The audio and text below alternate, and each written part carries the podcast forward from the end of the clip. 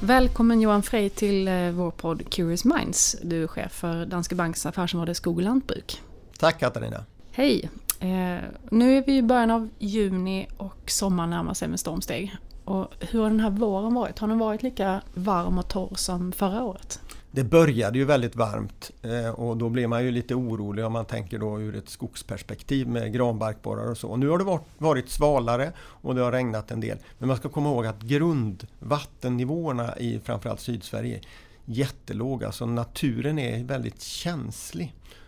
Och de här granbarkborrarna har ju ställt till det. Det var den värsta katastrofen någonsin förra året och man trodde ju då att det skulle bli ännu värre i år. Vi vet inte idag ännu men granbarkborren har ju redan påverkat marknaden.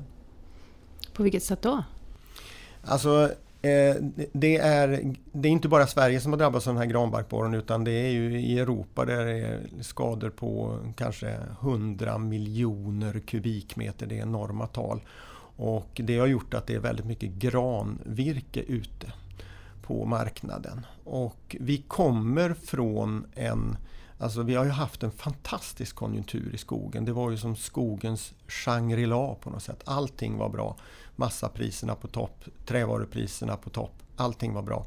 Och nu har det gått jättesnabbt och eh, det har gått ner. Nu går både massa och trävarupriserna ner och vi har fått ordentliga prissänkningar ute i skogen på virke och då framför allt grantimmer för att det är så mycket i Europa. Jag har förstått att det gått väldigt fort den här eh, nedgången i, i konjunkturen. Var det oväntat?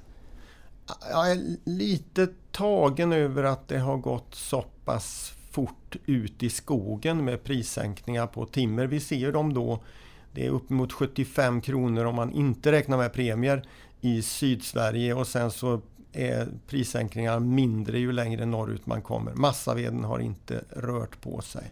Men ja, det har gått fort. Mm. Och vad ska skogsägarna tänka på i, om det nu är, så att säga, fortsätter neråt? Ja, det, det, är ju lätt att tänka att nu är det inte bra men det är fortfarande förhållandevis höga priser runt om i landet. Men det, det viktiga är nu då, ta vara på det som är skadat om du är i södra och mellersta Sverige, granbarkborre. Och sen kanske fokusera över lite grann mer på tall. Talltimmer har ju inte varit i ropet de senaste åren men nu kommer det nog sannolikt att vara brist på sina håll. Men du menar ju också oavsett sett eh, konjunktursvängningar så har riskerna generellt ökat med att äga skog i Sverige. Vad menar du med det? Ja, det hänger nog väldigt mycket ihop med de, den klimatförändring vi har.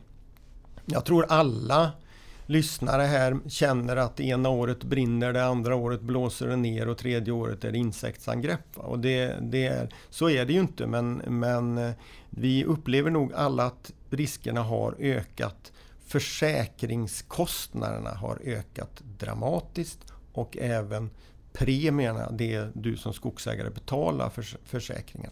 Ändå tycker vi att det är jätteviktigt att man försäkrar sin skog. Men jag har förstått det som att egentligen så brinner det kanske inte mer ofta nu men att det är större skador eller varför är det så? Ja, vi, vi, kan nog räkna med att det, risken för brand ökar med ökad temperatur. Så är det nog. Va? Sen har vi varit väldigt duktiga på att bekämpa just brand. Eh, men det kan vi nog räkna med. Det, det, blir ju, det är ju väldigt stora värden i skogen. Och när det händer någonting blir det väldigt dramatiskt för den som drabbas. Det är väl därför det är så viktigt att försäkra sig. För i genomsnitt är ju inte riskerna lika stora. Ehm, och, men sen så är det, jag menar med ett eh, ökad medeltemperatur så får vi mer stormskador på grund av att det är min, kortare kälperioder. Svamparna trivs bättre, det blir hög, högre rötandel och så vidare. Så att det är inget snack om att vi, eh, riskerna och skadorna ökar. Mm. Och Finns det någonting man kan göra som skogsägare för att minimera riskerna? Hur ska man tänka? Ja, det är jättebra att du ställer den frågan för det, vi tycker det är viktigt att man lyfter upp det här för det finns faktiskt ganska mycket du som skogsägare kan göra. Ehm, det ena rådet kan man väl säga, det är väl generellt sett att sprida ut dina åtgärder om du har möjlighet, om du har tillräckligt stor fastighet så att du åtgärdar saker och ting varje år. Det är att liksom sprida ut någonting, det minskar alltid risken. Sen så kanske att inte hålla skogen så länge, att minska slutavverkningsåldrarna är en annan åtgärd som man skulle lätt komma på i de här sammanhangen. Och sen så är det ju det här med att bevaka sin skog. Vi ser ju att distansägandet ökar väldigt dramatiskt och då gäller det att ta hjälp av folk på orten för att inspektera din skog. Och det kan ju vara jägare och det kan vara virkesköpare och det kan vara grannar. Så att, eh, det är väl några små tips. Mm. Men du hittar många fler tips hos oss i vårt nyhetsbrev Skog och ekonomi som vi har släppt precis. Mm.